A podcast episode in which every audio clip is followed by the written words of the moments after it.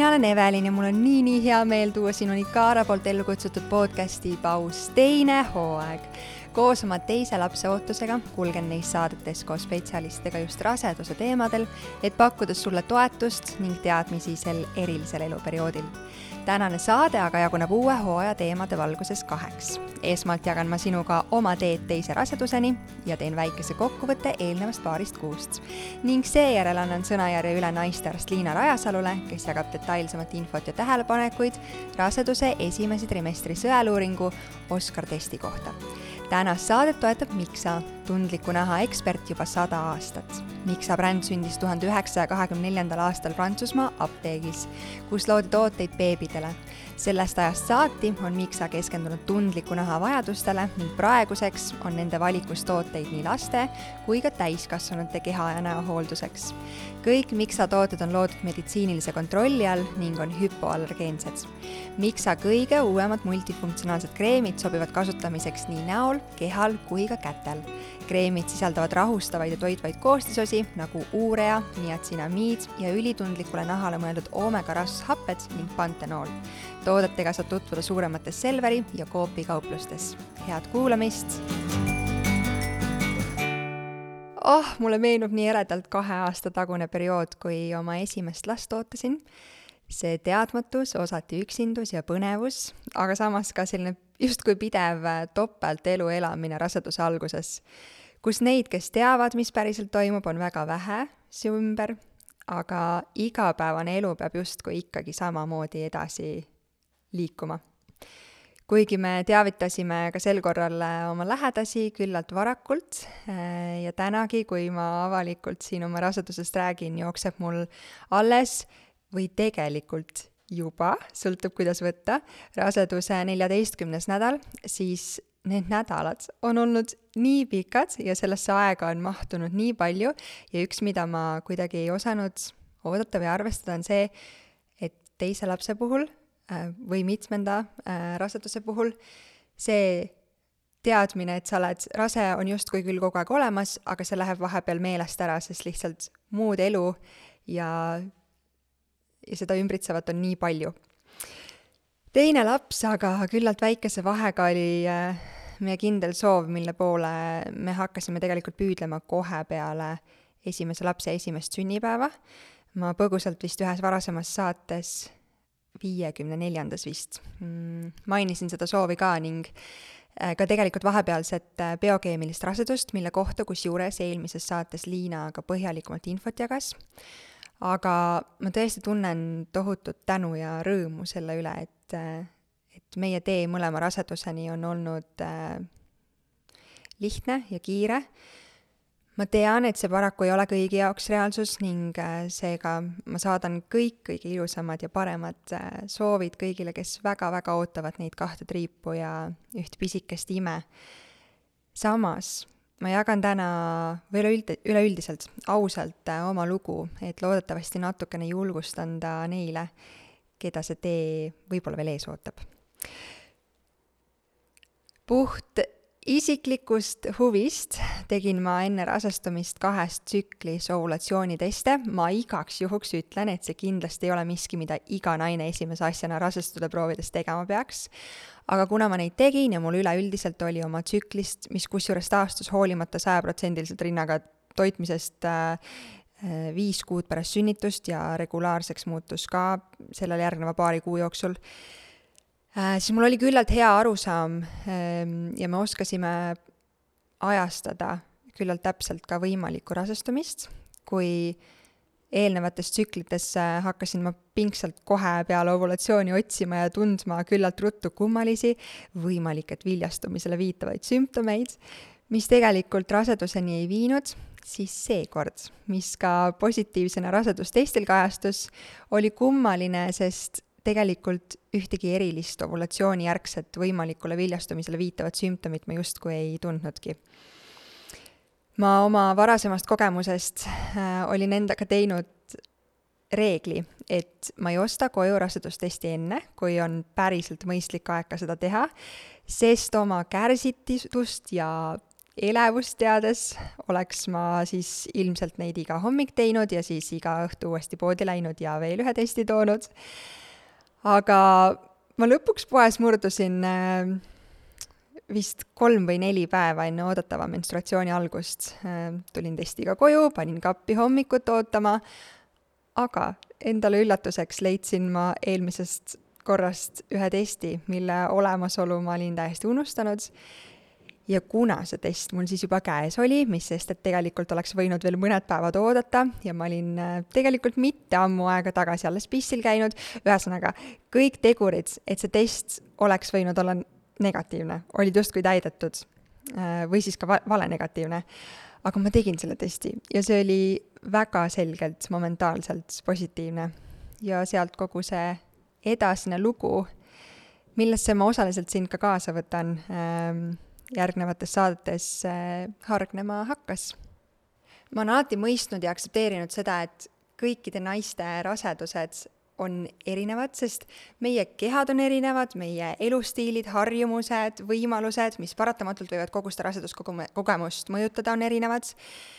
ja seega enda loo kellegagi võrdlemine on minu silmis või minu hinnangul suhteliselt tühine, aga kui keegi oleks mulle öelnud, kui erinevad võivad olla ühe naise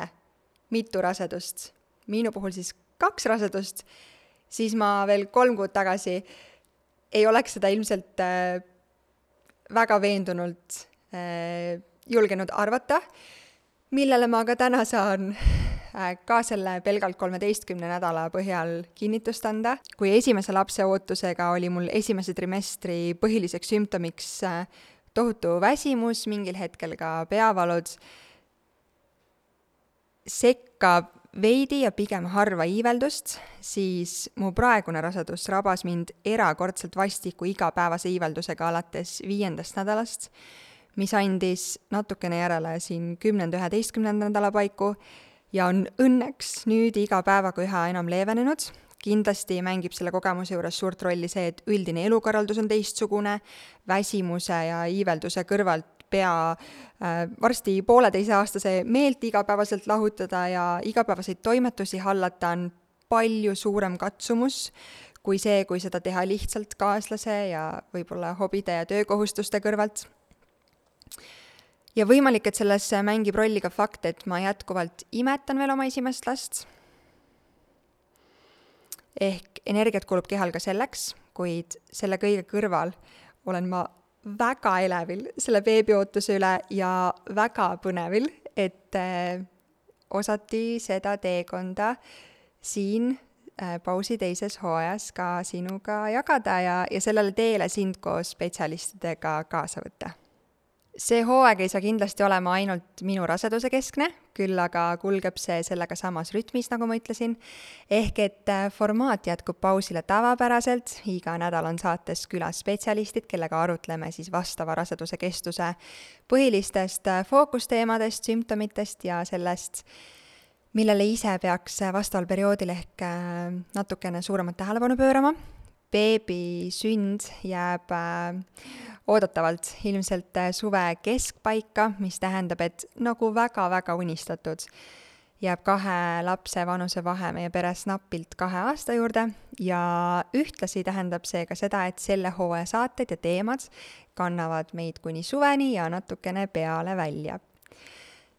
ma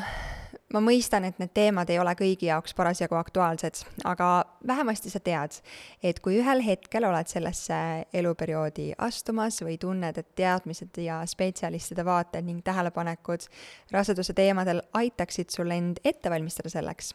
siis äh, pausisaated ootavad sind alati kuulama.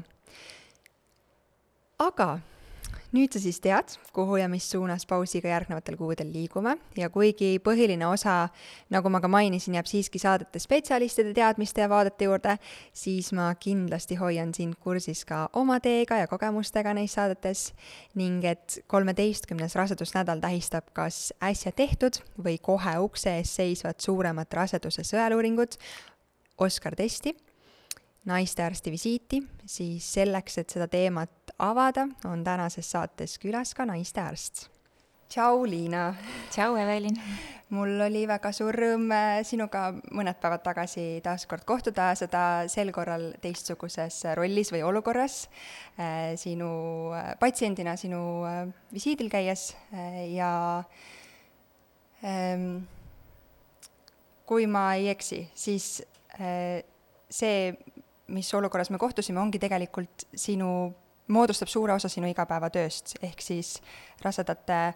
ultraheli uuring ja arstina siis rasedate mm, jälgimine, jah? jaa, nii on, et äh, rasedate ultraheli uuringud ja just see sünnieelsete sõeluuringute tegemine, sünnieelne diagnostika, et see on äh, jah, äh, ongi põhiosa minu tööst, see on minu selline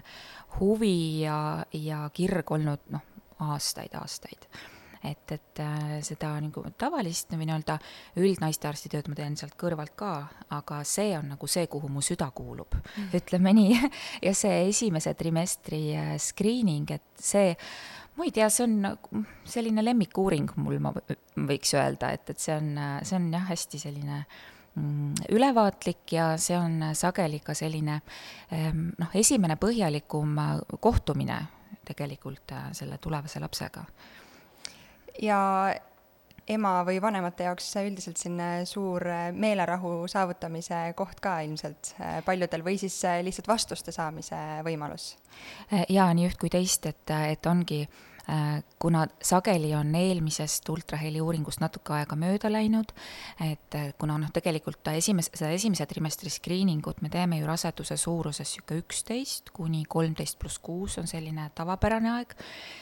et äh, see on juba noh, kui me mõtleme, päris pikk tee on juba käidud, eks ole, ja millise meeletu arengu on see loode teinud selle aja jooksul. ja, ja sageli on just see võrdlusmoment vanematel, et see pilt, mida nad on näinud äh, mõned nädalad varem, näiteks ämmaemanda visiidil, kui nad käisid esimest korda seda rasedust vaatamas, see on äh, väga erinev sellest, mis me näeme juba see üksteist, kaksteist, kolmteist nädalat, kus meil tegelikult ekraanile mahubki äh, lapsekene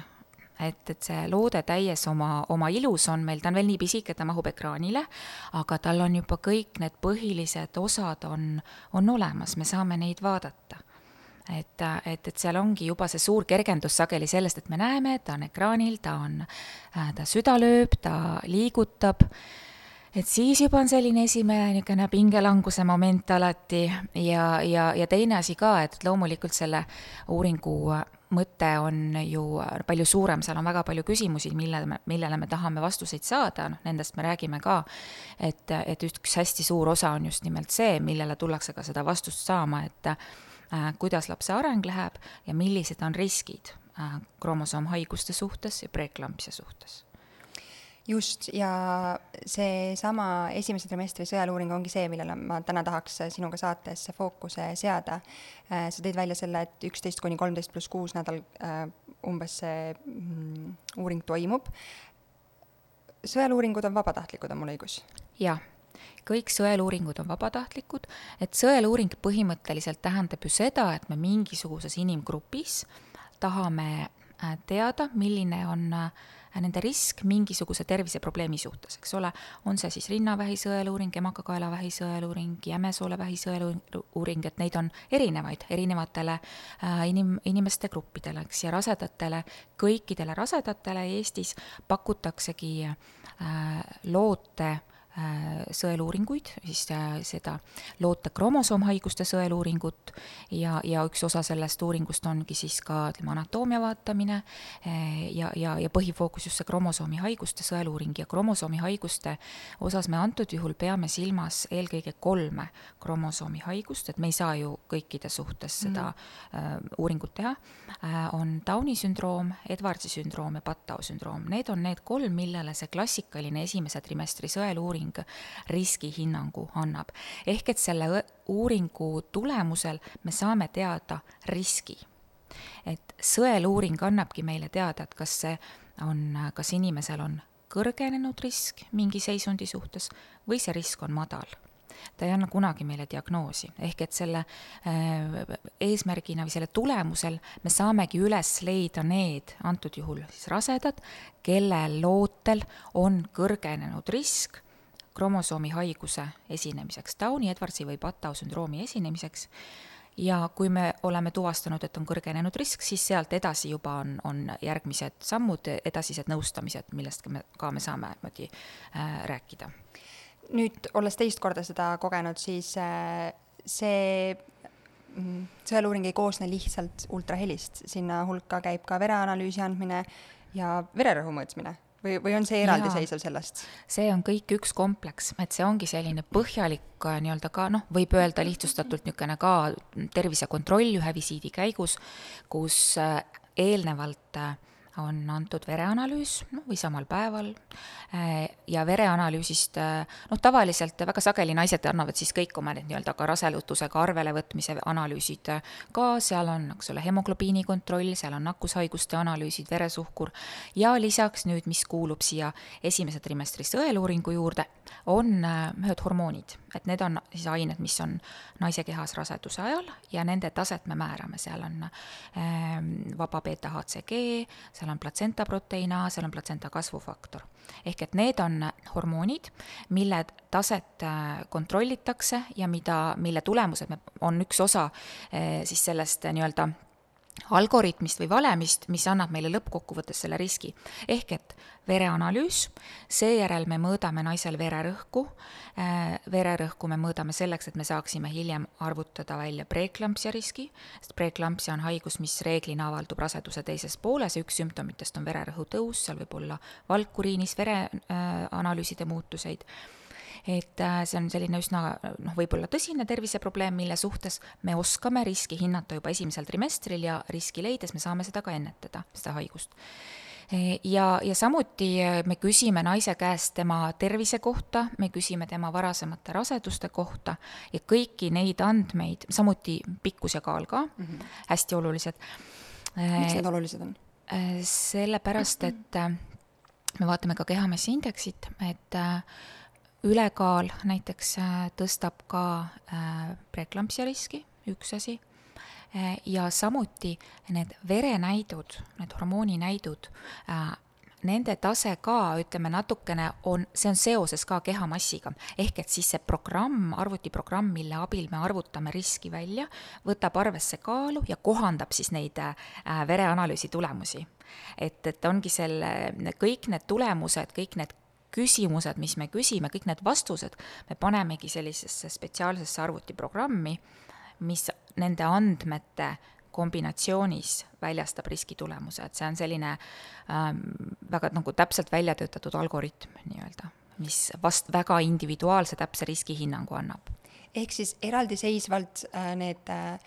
vereanalüüsis äh, uuritud äh, hormooni, hormoonsisaldused, äh, ultraheliuuringu eraldi mingisugused numbrid, milleni me jõuame, ja eraldi vererõhk või kaal või pikkus, lihtsalt üksikuna ei anna mingisugust sisendit sulle arstina, vaid sa vaatad paned need kõik numbrid valemisse. ja kõige olulisem ongi see, see tulemus, mis selle kombinatsiooni tulemusel tuleb, et äh, jah, peale vaadates nendele hormoonidele äh, noh, üksikutel juhtudel, kui need väärtused on kuskile ekstreemses suunas nihkes, siis ma saan juba peale vaadates aru, et siit võib oodata võib-olla mingit nihet, aga tegelikult me nende hormooninäitude või ütleme, kui naine võtab ka näiteks digiloos vastu oma vereanalüüsi vastused, tal ei ole mõtet neid hormoone vaadata, sest et äh,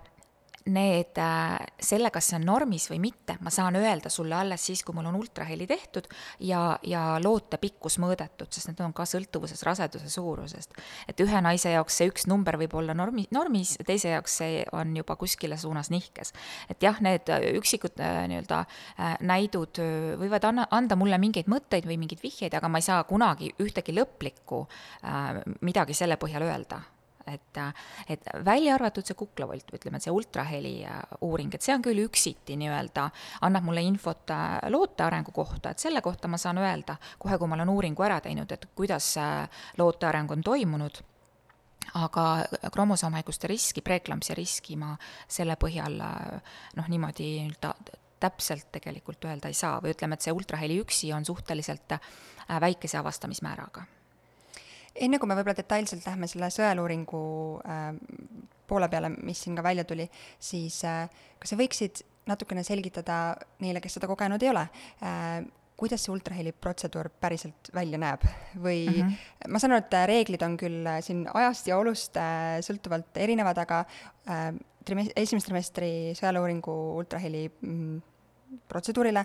võib naine tulla koos kaaslasega, jah? jaa, jaa, et äh, vahepeal, kui oli äh, pandeemia aeg, siis äh, ei olnud tugiisikud, isikud kaasa lubatud, aga praegu jah, ühe kaaslasega võib tulla. Ja see on väga tore, kui naine tuleb kellegagi koos ja, ja esmalt ongi niimoodi, et noh, erinevates äh, tervishoiuasutustes on võib-olla see korraldus natukene erinev, aga ütleme, kui me räägime nüüd konkreetselt sellest ultrahelile tulekust, siis võib tulla koos kaaslasega äh, kabinetti. Äh, ultraheli toimub, me teeme kõhu pealt nii et see ruum on tavaliselt hämar, seal on see ultraheliaparaat, on kušett, me palume naisel äh, kušeti peale pikali visata, kaaslasele on alati kuskil koht, kuhu sa ta, ta saab kõrvale istuda, reeglina meil on ekraan pandud niimoodi, et mõlemad seda näevad, et minul on oma aparaadi ekraan, aga siis patsiendil on veel eraldi, et ta näeb suurelt äh, kas seina peal kuskil siis seda, seda pilti, sama pilti, mida näen mina. Ja, ja alakõhu pealt vaatame, et sellises raseduse suuruses emakas on veel üsna siin vaagnas, nii et, et siit nagu naba alt Äh, vaatame. ja siis äh, kõhu peale paneme natukene ultrahelikeeli, see on selleks, et äh, andurs, need ultrahelilained saaksid läbida kudesid ja ultraheli on raseduse ajal, ultraheli te-, tegemine on ohutu raseduse ajal. see ei ole kiirgus, need on sisuliselt helilained. sellel ei ole kudedele mingisugust kahjustavat toimet, see ei, ei mõjuta kuidagi rakkude arengut ehk et ultraheli uuringuid raseduse ajal võib teha nii palju, kui on vaja. et seal on jah, omad reeglid, seal on oma nõuded spetsialistidele, aparatuurile, et äh, need aparaadid loomulikult, millega tehakse rasedate ultraheli uuringuid, need on selliste seadistustega, et need on, nendega tohib teha neid uuringuid nii palju, kui vaja on. ja me ikka räägime ära ka reeglina, mis, mis uuringut või mida me vaatama hakkame. masinasse ma saan panna sisse sünnitustähtaja või viimase menstruatsiooni, et mul on need algandmed olemas. ja, ja seejärel me ultrahelianduriga, mis on siis selline noh, kas ümar või, või noh, niisugune Äh, juhe on seal taga, selle, sellise asjakesega me siis mööda seda kõhtu libistame vaikselt ja, ja, ja kontrollime, ähm, kontrollime seda, mida me, mida me näeme, et tavaliselt äh, esmalt me vaatamegi seda, et äh, mitu last meil seal kõhus on et kontrollime selle üle, et mõnikord küll harva me oleme leidnud ka sealt rohkem kui ühe lapse, et teinekord need päris nendel esimestel uuringutel on vahest harva on seal üks on nagu teise taga natukene peidus, et ei ole kohe näha, aga enamasti on ämmaemandad on väga-väga osavad nende raseduse esimeste ultrahelide tegemisel, et, et see on tõesti haruharva. aga alati mina vaatan nagu sellise üldpildi ära, et kus, kus seal emakas mis asub vaatame loomulikult esimese asjana kohe, ma ütlen ka, et, et kas näed, laps liigutab, süda lööb, et me näeme, et loode on elus, et ta toimetab. Eh, ja, ja seejärel juba sõltuvalt sellest, milline on nähtavus, eh, millises asendis eh, laps on, et me saame hakata vaikselt teda mõõtma ja, ja kontrollima tema arengut, et tihtipeale selle uuringu kestvuse, uuringu noh, selle järjekorra, mida me, millisel moel vaatame, et noh, minu jaoks vähemalt dikteerib see, mida laps teeb et noh, mul peas on oma nii-öelda need äh, nimekiri, äh, mida ma pean kontrollima, aga ma nii-öelda jälgi, järgin, järgin teda. E, ja samuti me vaatame alati ära, kus on, kuidas paikneb platsenta, kuidas on lootevee hulk, ma näen ära ka emakakaela, me saame kontrollida erinevaid verevarustuse näitajaid. Ja, ja ütleme, ultraheli uuringu jah, õnnestumist või nähtavust eelkõige mõjutabki, üks asi on lapse asend on väga oluline, sest noh, kui ta keerab ennast seal kuidagi kummuli või kägaras kerra, tõmbab ennast, noh, no siis me ei saa vaadata, et siis tuleb äh, mõnikord tagasi tulla ja ja mõni naine käib äh, sellel esimese trimestri uuringul noh, kolm-neli korda, et, et selles ei ole midagi nagu murettekitavat, see lihtsalt meil on vaja saada need äh, mõõdud äh, kätte, need pildid kätte, mida me peame kontrollima ja samuti hästi oluline, mis mõjutab nähtavust, on ka, on ka kehamassi indeks, et noh, mis on ka loogiline, et mida rohkem on meil seda nahaalust rasvkudet, seda kaugemal on äh, laps andurist ja seda nagu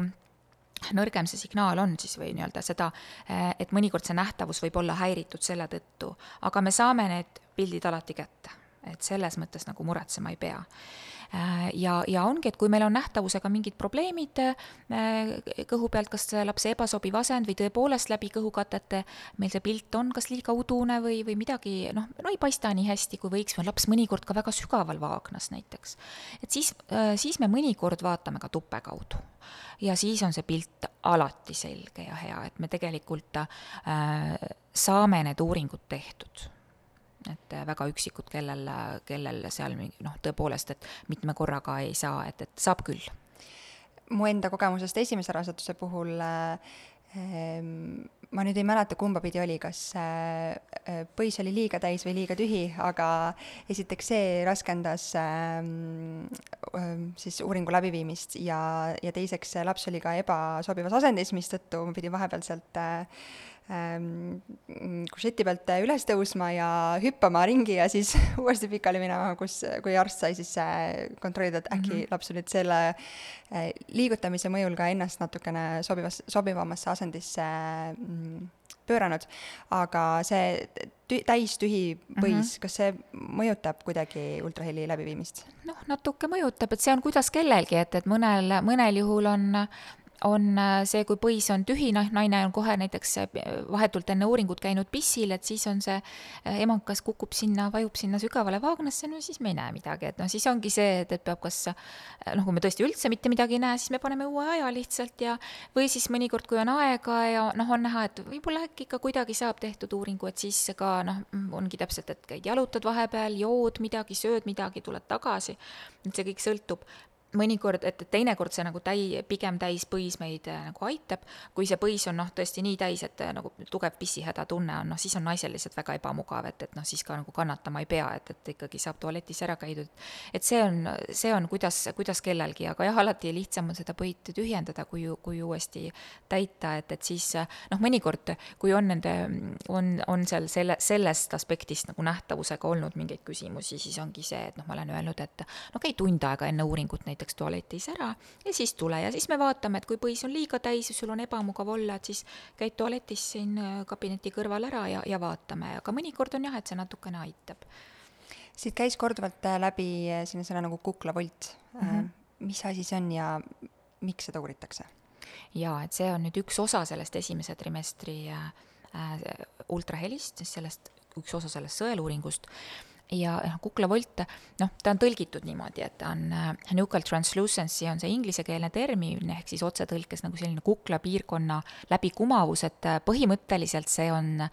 vedelikukiht äh, loote kuklapiirkonnas, seal kaela taga, naha all. ehk et ja see on ka see, mis mis dikteerib meile selle aja, millal me seda uuringut teeme, et meil laps peab olema kindlas suuruses. ongi, et seal on teatud millimeetrid, mis millimeetrite vahemikus ta peab olema, sest see on see periood, kui see kuklavolt, see vedelik on kõige paremini hinnatav ja nähtav. Et kui äh, loode on väiksem, siis teda ei pruugi seal veel näha olla ja hiljem ta hakkab imenduma, mis see on see, kust tuleb see üksteist kuni kolmteist nädalat ehk et seal kõigil loodetel selles vanuses on äh, naha all, siin kaela taga selline vedelikutriibukene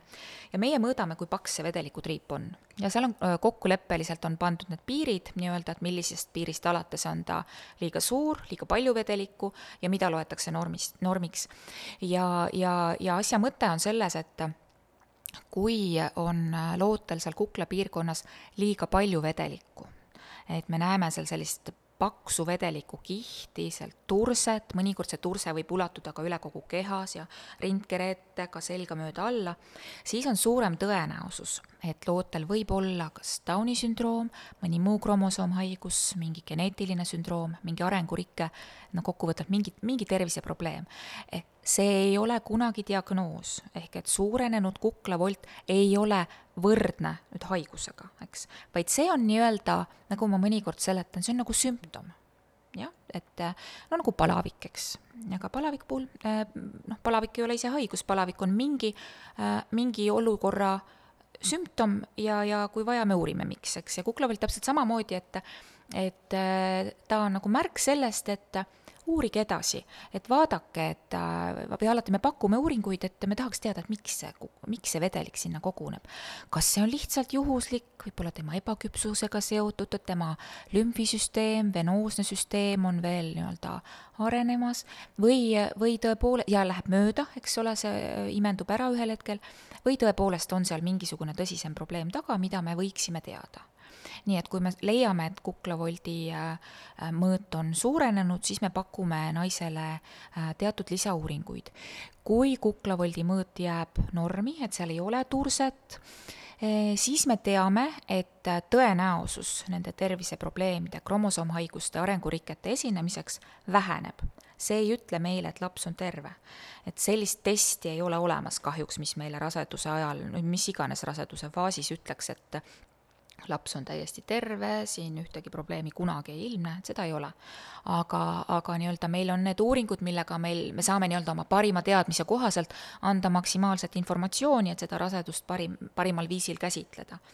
ehk et aga ühesõnaga, suuremal osal naistest ilmselgelt need kuklavoldi mõõdud on normis ja, ja see vähendab, vähendab arengurikete tõenäosust. et siinkohal äh, selle toon veel välja, et et äh, arengurikkeid esineb harva.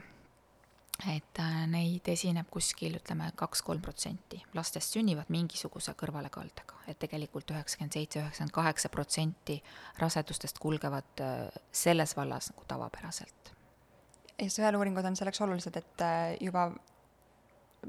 siis raseduse ajal neid võimalikke, ma saan aru, et alati see ei ole võimalik, aga siiski see protsent on vist väga kõrge, äh, et neid on võimalik juba raseduse ajal äh, diagnoosida. Äh, jah, see, kui kõrge see protsent on, see sõltub konkreetsest probleemist, et need on väga, väga, väga erinevad mm, -hmm. et mhm. seda äh, me ilmselt mõnel järgmisel korral ka arutame, et kui me räägime ka loote arengust lähemalt, aga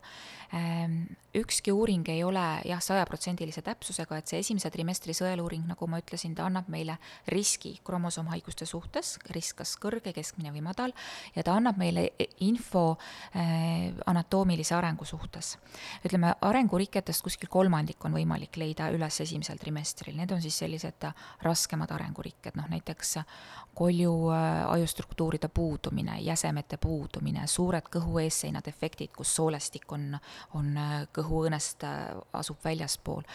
noh, näiteks sellised ilmselged suured probleemid või kus on kogu keha nii-öelda kuju on, on, on valesti, valesti arenenud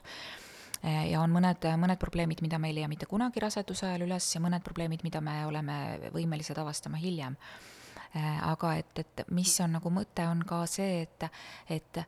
me teame, milline see loode peab välja nägema selles äh, vanuses ja me saamegi, noh, mina kontrollingi seda, et see, mida ma näen ekraanil, milline see konkreetne laps on, et see vastab täna sellele normile, milline ta täna peab olema, et mis need arenguverstapostid on, mida ta peab olema saavutanud ja ma saan kokkuvõtteks reeglina öelda seda, et täna, praegu see lapse areng vastab praegusele normile. me ei tea, mis hakkab edasi olema, aga praegu me oleme sellega rahul, mida me näeme enamasti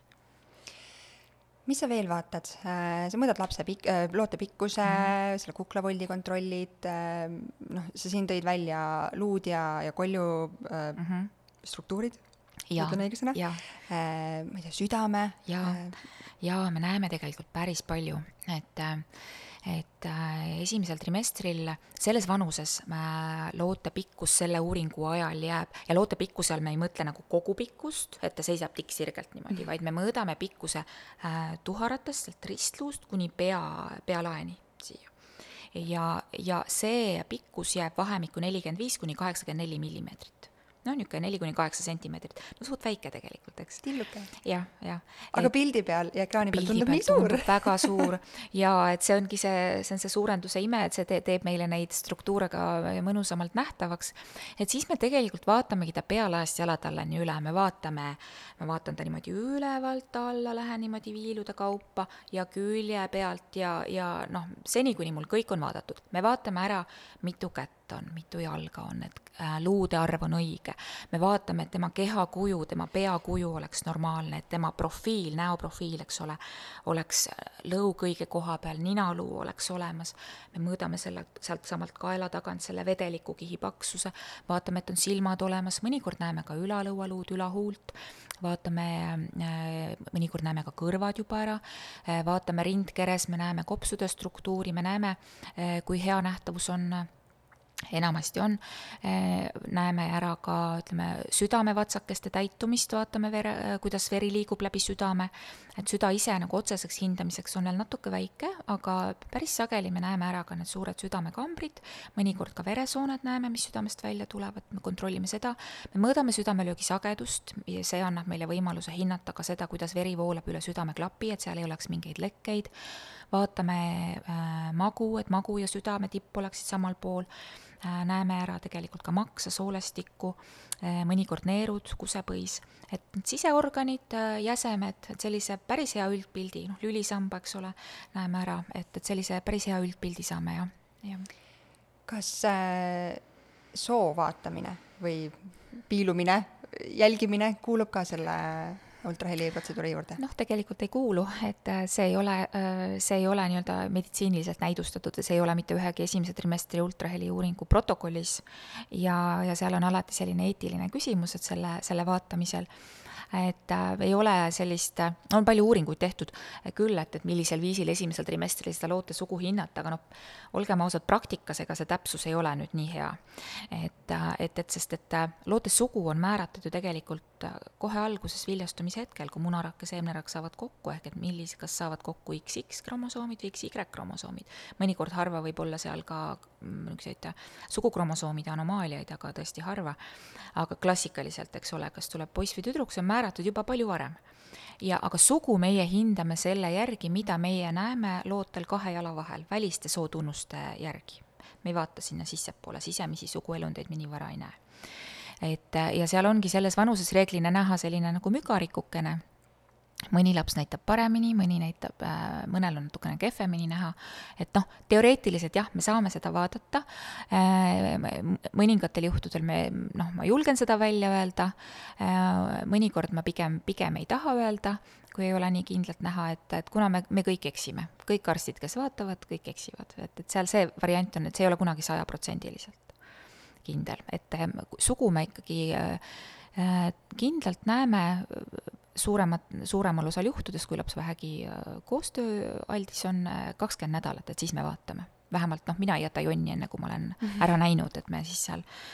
lihtsalt veedame aega seni, kuni me oleme kõik ära näinud, kuna tegelikult sootunnuste hindamine on ka üks osa uuringust, üks osa normaalse arengu hindamisest ja me tegelikult peame seda vaatama varem või hiljem. aga esimene trimester pigem jah. aga juhul, kui äh, pere ei soovi teada mm -hmm. lapse sugu enne lapse sündi, siis kas see on miski, mida peaks äh, ka sinna esimesele ultraheli, äh, esimese trimestri ultrahelile tulles arstile ütlema, et äh, ma lihtsalt ütlen, et ma ei taha teada. jaa, kindlasti, kindlasti, sest noh, mina kunagi esimesel trimestril ise seda välja ei paku, et, et mul on siin hüpotees lapse soo kohta mm., aga, aga teisel trimestril, kui on loote anaatoomia uuring, siis, siis me alati küsime, et kas te soovite teada lapse sugu. ja kes ütleb jaa, kes ütleb ei, mõnikord perekond ise ütleb, et meie ei soovi teada.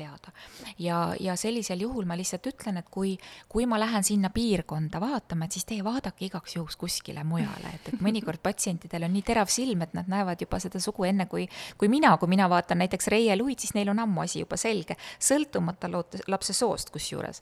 et, et, et seda jaa, alati enne, enne peaks ütlema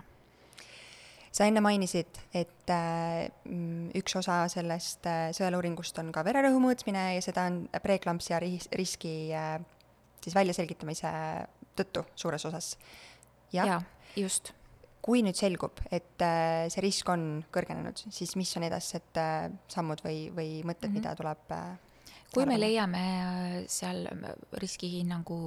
arvutuse tulemusel, et preeklampsia esinemise tõenäosus on, äh, on suurem, siis me soovitame hakata võtma aspiriini väga väikeses annuses. see tavaline aspiriin,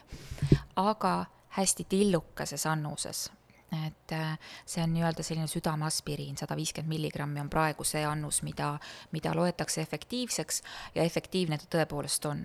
et äh, aspiriini tarvitamine, äh, kui ei ole konkreetseid vastunäidustusi, ma pean silmas siin kas maohaavandid või mingid tõesti tõsised terviseprobleemid, on raseduse ajal, rasedusele on see ohutu et ähm, seda tabletti siis võetakse igal õhtul, äh, just õhtuti võetuna on ta efektiivsem ja päris pikalt peab teda võtma, kuni kolmkümmend kuus nädalat. ja ta on äh, preeklampsia riski äh, vähendamisel on ta väga-väga efektiivne. Et, et selliseid väga raskeid, tõsiseid preeklampsia juhtumeid ikka on vähemaks jäänud, alates sellest, kui seda ennetust, seda profülaktikat on kasutusele võetud nii et, et selles mõttes, kui me leiame riski, siis noh, nagu ähm, see on lihtsalt risk, et see ei tähenda, et siin nüüd haigus avaldub, eks ole, vaid, vaid meil ongi võimalus, me oleme saanud teadlikuks sellest, et siin meil niisugune lisanüanss on selgunud ja me saame hakata seda, seda probleemi efektiivselt ennetama ja suure tõenäosusega see, see ei taba naist. ja samuti on see meil ka konkreetne märge ka ämmaemandale, et ta teab äh, naist no ta noh, tähelepanelikult jälgida, et see on meil kogu aeg siis teada, et me jälgime tema noh, nii-öelda kõik need visiidid lähevad edasi tavapäraselt e,. aga lihtsalt äh, mõned lisa ultraheliuuringud me teeme seal raseduse teises pooles, et vaadata, kuidas on platsenta vereringe, lapse vereringe ja, ja lapse kasvamine ma olen äh, kuulnud, küll ise ei ole teinud, aga sellisest sa pead nüüd mind aitama, mis see õige mm, -hmm. detailne nimi on, aga looteraku jaa, sa pead silmas, eks see on jah, looterakuvaba DNA analüüs, ehk et siis see põhimõtteliselt on eesti keelde tõlgituna on ta nagu äh, mitteinvasiivne siis sünnieelne sõeluuring siis mitteinvasiivne looteraku, äh, rakuvaba DNA uuring ehk NIPT on nagu inglisekeelne lühend ja NIPT ongi see metoodika nii-öelda, et mitte noh, ongi rakuvaba DNA analüüs. Ehk et me ja neid äh, teste on erinevate nimetustega, Eestis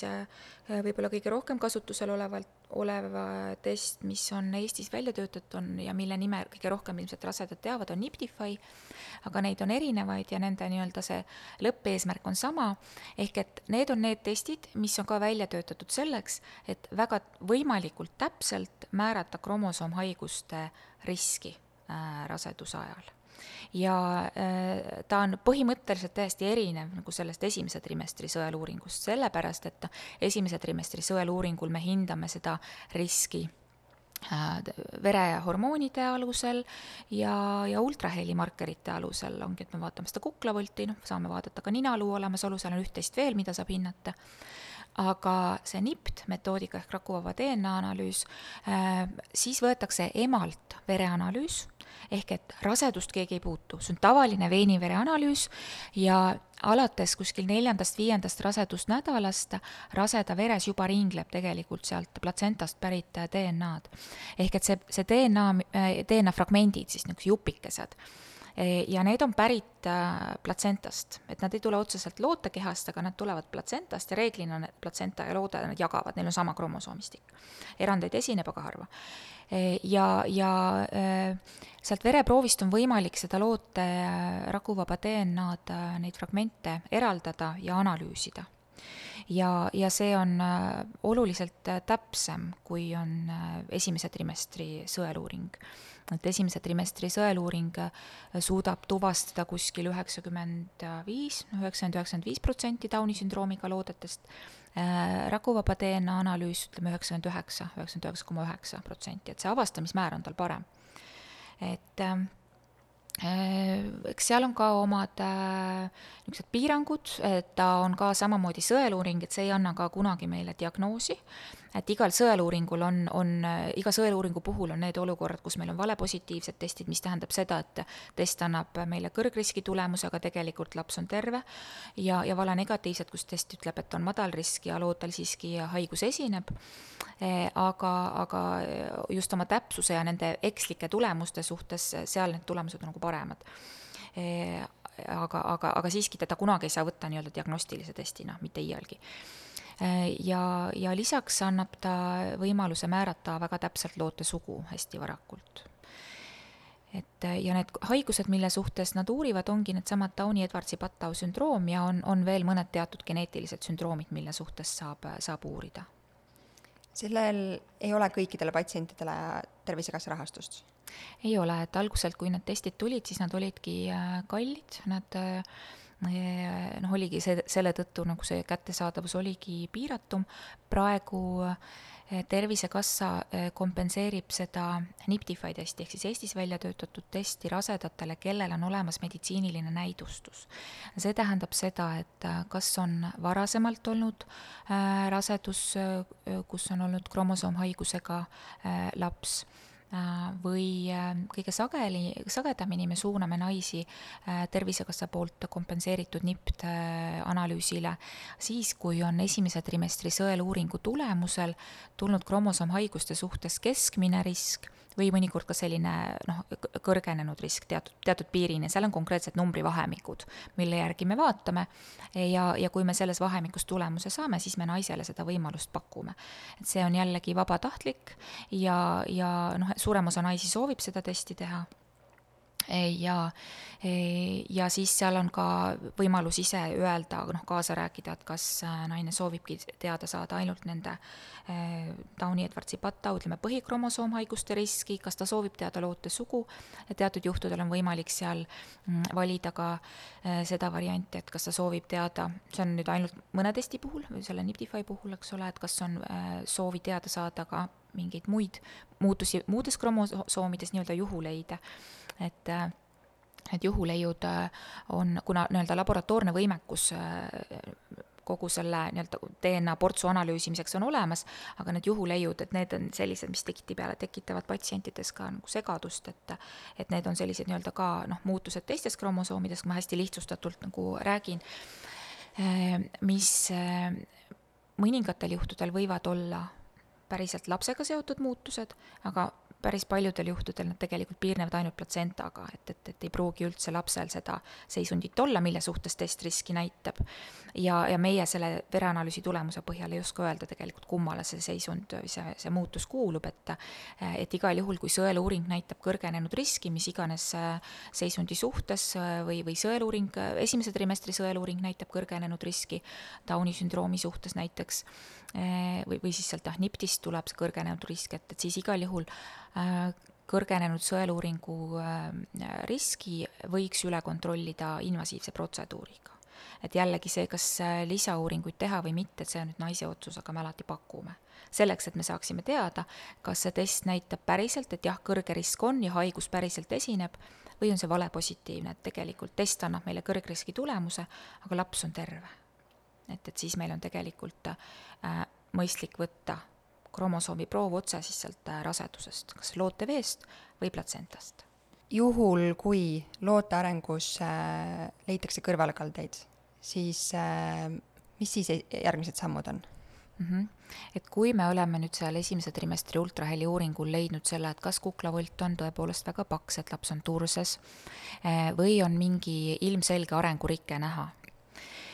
siis me soovitame teha ka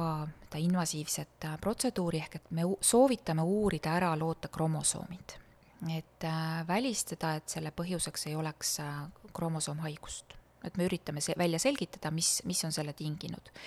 E, ja, ja kui on leitud tõesti väga suur kuklavolt või või ka, või arengurike, et siis seda rakuvaba DNA analüüsi äh, me ei soovita teha, vaid et pigem, et aega kokku hoida, kiiremini need vastused saada, äh, me suuname naise invasiivsele protseduurile. Äh, ja invasiivseid protseduure on kahte tüüpi, üks on koorioni biopsia, mida saab teha esimesel trimestril ja siis võetakse peenikese nõelaga läbi kõhuseina proov platsentast mõned platsentakihud, rakud ja saab laboris nendest uurida kromosoome. ja teine võimalus on lootevee uuring, mida saab teha, ütleme keskmiselt kuusteist nädalat on kõige parem, aga alates viieteistkümnendast rasedusnädalast, et siis peab veidikene ootama e, ja samamoodi peenikese nõelaga äh, võtame läbi kõhuseina proovi looteveest. et need mõlemad äh, testid on sellised, mille puhul me last ei puutu et me tema, tema, temalt proovi ei võta, vaid me võtame just sealt ümbritsevast. et kas siis need platsentakjud, mis lähevad uurimisele, kus on see kromosoomi materjal olemas, või lootevesi ja lootevees on lapse nahalt irdunud naharakud ja labor eraldab need ja uurib sealt neid kromosoome ja, ja sageli me ka, või noh, enamasti me pakume ka võimalust konsulteerida meditsiinigeneetikuga, eh, kes on siis spetsialist, kes oskab eh, nõustada perekonda just nende pärilike haiguste osas, geneetiliste kromosoomhaiguste osas ja, ja kes tõlgendab ka hiljem neid uuringu tulemusi, juhul kui seal mingi haiguse leid on olemas ja siis sealt edasi juba perekond saab mõelda, et kuidas nad äh, jätkavad äh, rasedusega. et, et alati on, on noh, miks on oluline just neid äh, ka uuringuid teha või neid ultraheliuuringuid teha või last vaadata, noh, muidugi see on kõik vabatahtlik, et ei pea midagi tegema, eks. aga mis see mõte on ka, miks me tahame võimalikult palju informatsiooni selle raseduse ja loote arengu kohta saada, on see, et see annab meile võimaluse tegelikult äh, pakkuda paremat äh, abi raseduse jälgimist sättida võimalikult äh, võimalikult hästi vastavalt naise vajadustele ja vastavalt lapse vajadustele. vajadusel me, me saame teha siis lisakontrolle raseduse ajal, me saame äh, planeerida sünnitust äh,, me saame valida, kus naine peaks sünnitama ja et oleks lastearstidel tegelikult ka see info olemas, et kui on sündimas laps, kellel on mingisugune arenguline eripära, et see, see tegelikult parandab selle lapse võimalusi tema prognoosi edaspidiseks, kui ta saab kohe sünnihetkest alates parimat võimalikku abi. see on see mõte. ja juhul, kui tõepoolest me näeme raseduse juba varases järgus või ka raseduse keskel, et lootel on arengurike, mis on äärmiselt raske, eluks sobimatu või ravimatu kromosoomhaigus Äh, või mingi seisund, mis põhjustab väga ränka elukvaliteedi langust, äh, invaliidistumist, äh, siis perekond võib valida ka selle, et nad ei jätka rasedust. et see on iga perekonna individuaalne otsus,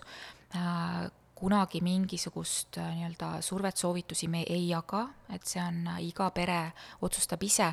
kuidas neile kõige paremini sobib aga et ka see võimalus on olemas, et selle rasedusega mitte jätkata. et sellist otsust saab teha kuni raseduse suuruseni kakskümmend üks pluss kuus, mis on, Eestis on see äh, seadusega paika pandud analüüsid on tehtud, uuringud on tehtud äh,, riskid sul arstina, ma ei tea, kas, kui palju sa ise arvutad või, äh, või äh, programm arvutab äh,, on äh, teada saadud. mis edasi toimub, kui kõik on, riskid on madalad ja kõik on äh, nii loote kui emaga hästi, siis raseduse edasine jälgimine jätkub tavapäraselt ämmaemanda juures? jaa, et on äh, olemas raseduse jälgimise oh,. mul tuli meelde. ultraheliuuringut viib alati siis, seda sõeluuringu ultraheliuuringut viib alati läbi arst äh,? mitte päris alati, et vähemalt äh, mm, on olemas ka mõned ämmaemandad okay.. et, et seal on oluline nii-öelda äh, väljaõpe ja kogemus, et äh, looteanatoomia uuringut äh, ja, ja edasisi nii-öelda neid loote seisundi hindamise uuringuid ja südameuuringuid, neid teevad alati arstid Eestis Eesti tingimustest me räägime, eks, aga esimese äh, trimestri sõeluuringut äh, teevad noh, gümnakoloogid, mõnikord radioloog, arst-residendid teevad palju ja, ja ja mõned ämmaemandad. et seal on oluline just see, et kuna see, see, see väljaõpe, et, et selle esimese trimestri sõeluuringut tohib teha spetsialist, kes on läbinud äh, põhjaliku sellise teoreetilise kursuse, praktilise väljaõppe ja kellel on litsents selle uuringu tegemiseks. ja seda litsentsi me peame uuendama igal aastal, see on nii-öelda, ongi esimese trimestri või ütleme, kuklavoldi mõõtmise sertifikaat nii-öelda, et seal on erinevate markerite jaoks, on erinevad sertifikaadid, et me peame saatma oma pilte, et see keskus, kes meid hindab, on Londonis, Fetal Medicine Foundation kus, mille on asutanud professor Küpros Nikolaides, kes on kogu selle nii-öelda kuklavoldi ja selle, selle metoodika rajaja tegelikult ja ta praegu seal töötab ka et äh, ja, ja, ja konverentsidel esineb.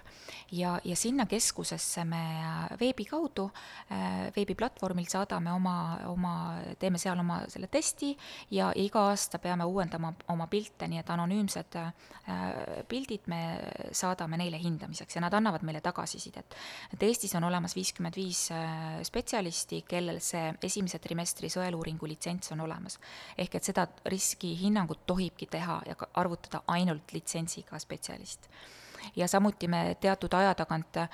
saadame neile ka oma mõõtmistulemusi, kus on siis nii-öelda rased-, noh, loote, loote suurus, kuklavoldi mõõtmised, mistõttu nad annavad ka tagasisidet kvaliteedi äh, kontrolli nii-öelda, kontrollivad, et kuidas on, on minu mõõtmiste tase mm. nii-öelda, eks. et, et see ei ole kohustuslik, aga, aga noh, neliteist spetsialisti, kaasa arvatud mina, on, on selle ka tagasiside nii-öelda sinna saatnud et väga jah, et see on nagu väga, väga, äh, väga kindel, et see ei ole mingi uuring, mida võib suvaliselt lihtsalt kuskil teha, et kuna kaalul on niivõrd palju, eks ole, et see peab olema ülima täpsusega tehtud, seal on väga kindlad nõuded, väga kindlad tasapinnad mm, -hmm. kuidas seda üldse tohib teha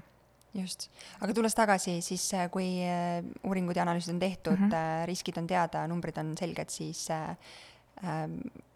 üldjuhul, kui kõik on hästi, sa suunad raseda jätkuvalt ämmaemanda tavapärasele jälgimisele? jaa, tavaliselt neil on ämmaemandaga kontakt olemas, on olemas juba korduv aeg, ehk et see, seesama visiit, mille käigus me teeme ultraheli ja teeme selle eh, kromosoomhaiguste ja preeklampsia riski eh, arvutused, eh, me vaatame üle ka kogu selle, mm, kogu ter-, terviseandmete hulga, me vaatame üle kõik muud analüüsid, mis on võetud rasedakaardis, kas on mingeid kaasuvaid haigusi, kui mingeid lisaprobleeme ei ole ja enamasti see nii on, et mingit erijälgimist ei ole vaja, siis siis, siis on raseduse jälgimine ämmaemanda juures ja järgmine ultraheli uuring ongi loote anaatoomia uuring umbes kahekümnendal nädalal. kui nüüd sealt me leiame raseda kaardist või analüüsidest mingisuguseid kõrvalekaldeid või on juba varasemalt naisel teada mingisugused kaasuvad haigused, kroonilised haigused, siis, siis mõnikord on see jälgimine jagatud kas ämmaemanda ja arsti vahel või, või jääb naine jälgimisele ainult äh, naistearsti juurde ja, ja sageli ka muude, noh, kui on kaasuvad muud kroonilised haigused, siis on see jälgimine jagatud naistearsti ja siis ka eriarsti vahel. et näiteks esimese tüübi diabeet on kõige sellisem klassikalisem äh, näide võib-olla, kus endokrinoloog ja naistearst koos jälgivad rasedat. et, äh, et, et äh, põhiline ongi just see, et meil me kaardistame ära nii-öelda selle terviseolukorra ja paneme sellel samal visiidil paika tegelikult plaani, et kuidas me seda esa-, edasist jälgimist nagu näeme, kas on mingeid lisauuringuid vaja, mingil hetkel lisa ultraheliuuringuid, et, et, et selle naise ja lapse parimates huvides teeme siis sellise jälgimise plaani. ja need asjad võivad raseduse jooksul hiljem ka muidugi muutuda, aga sellise põhi, põhiplaani me paneme, paneme sellel samal visiidil tegelikult paika Liina, aitäh sulle, ma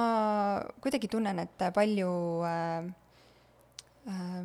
positiivsem kogemus on ja, ja julgustavam on äh, sellist eluetappi läbida, kui mingid varasemad teadmised on olemas või umbes on ettekujutus äh, selle kohta, et äh, mis minuga toimub ja mis lootega toimub ja mida siis täpsemalt seal kabinetis tehakse, kuhu minek on. Ja selle, seetõttu ma arvan, et, et need teadmised, mis täna siit saatest sinu poolt jagatud said, on hästi suureks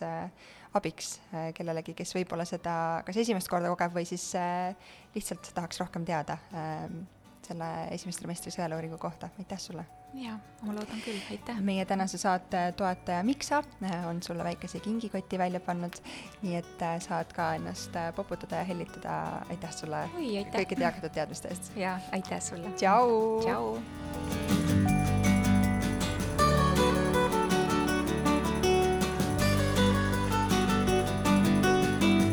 Saate tõi sinuni Kaara, sinu partner personaalseks raseduskogemuseks. Kaara äpp on kõige populaarsem rasedusrakendus Eestis, mida kasutab iga teine lapseootel naine. kogu info äpi ning Kaara heaoluteenuste kohta leiad kaarahealth.io